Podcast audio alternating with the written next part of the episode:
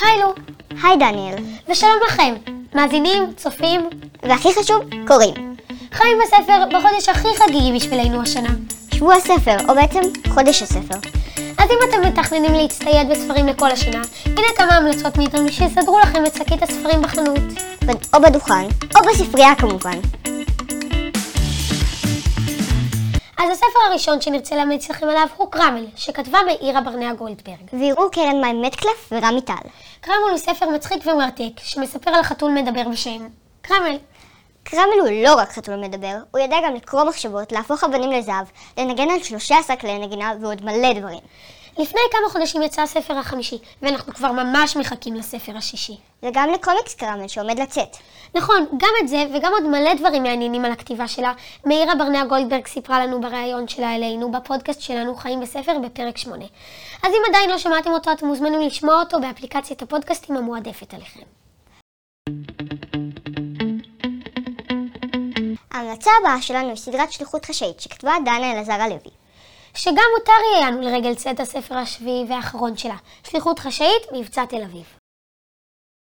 אנחנו מודים שאנחנו עדיין עצובים שלא תהיה שליחות חשאית נוספת בשום עיר אחרת בעולם.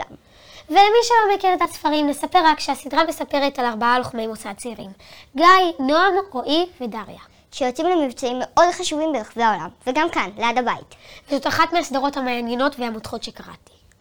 ועוד פרט קטן, כנראה שדנה אלעזר הלוי קיבלה השראה מההורים שלה, ששירתו במוסד באמת. אבל ששש, לא מגלים יותר מזה. אז למי שאוהב ספרי מתח והרפתקאות, אנחנו מאוד ממליצים על הסדרה. ועכשיו לספר שאנחנו רוצים להמליץ עליו, כי אנחנו מאוד אוהבים אותו, למרות שהוא לא ישראלי. אחד מאיתנו משקר, שכתבה קרן מקמנוס, הספר מספר על חמישה ילדים שנכנסים לריתוק. ורק ארבעה יוצאים ממנו בחיים, טם טם טם! וכולם החשודים. הספר מותח ואי אפשר להפסיק לקרוא אותו. כל רגע חושדים במישהו אחר. ובסוף, כשמגלים מה באמת קרה, פשוט קשה להאמין ש... בלי ספוילרים. נגלה רק שאם אהבתם את הספר הראשון, אתם מוזמנים בהחלט לקרוא את ספר ההמשך, אחד מאיתנו הבא בתור. לדעתנו, הספר מתאים לגילאי 12 ומעלה, אבל גם ליותר קטנים עם מצבים חזקים. כמונו, ולכל מי שאוהב תעלומות ומתח. סדרה בסגנון אחר לגמרי, שאנחנו מאוד אוהבים, היא הסדרה שכתבה תמי שם טוב.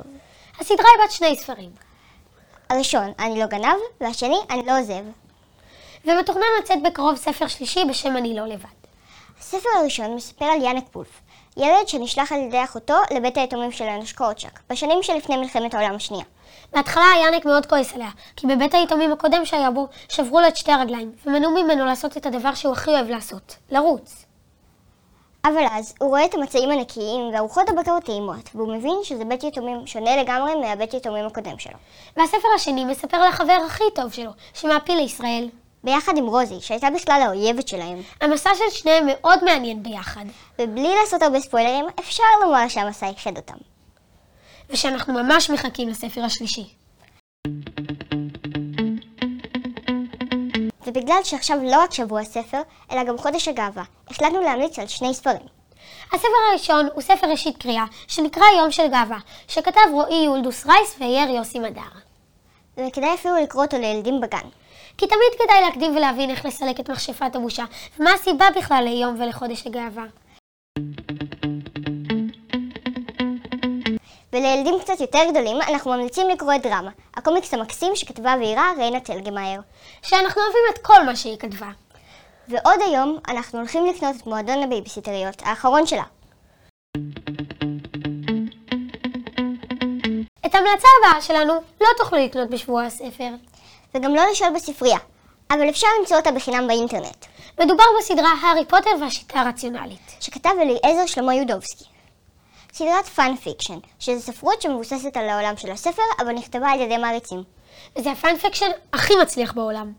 הסדרה היא על מה היה קורה אם האבא המאמץ של הרי היה פרופסור באוקספורד, והרי היה גדל לספרי מדע, פסיכולוגיה, מדע בדיוני ועוד, עד שהוא מקבל הזמנה להוגוורטס ומגלה מציאות של קסמים, שלא מתיישבת בכלל עם מה שהוא למד על העולם עד כה.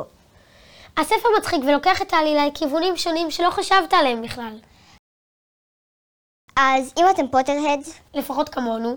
אתם חייבים לחפש ולקרוא את הסדרה. וספר אחרון להיום, ספר חדש על המדף ומעולה במיוחד הוא פנתר שחור, סיפור חייו של ראובן אברג'יל. שכתבה תמרה ורטה זהבי. הספר מספר על ראובן אברג'יל, שעלה עם ההורים שלו בסתר בגיל חמש ממרוקו, ועל הקליטה הקשה שלו במעברה, ואחר כך בשכונת עולם בירושלים, ועל האפליה שהוא סבל ממנה. ועל היחס הלא הוגן שהוא קיבל מהסביבה ומהמשטרה, שעצרה אותו כשהוא היה ילד בגילנו.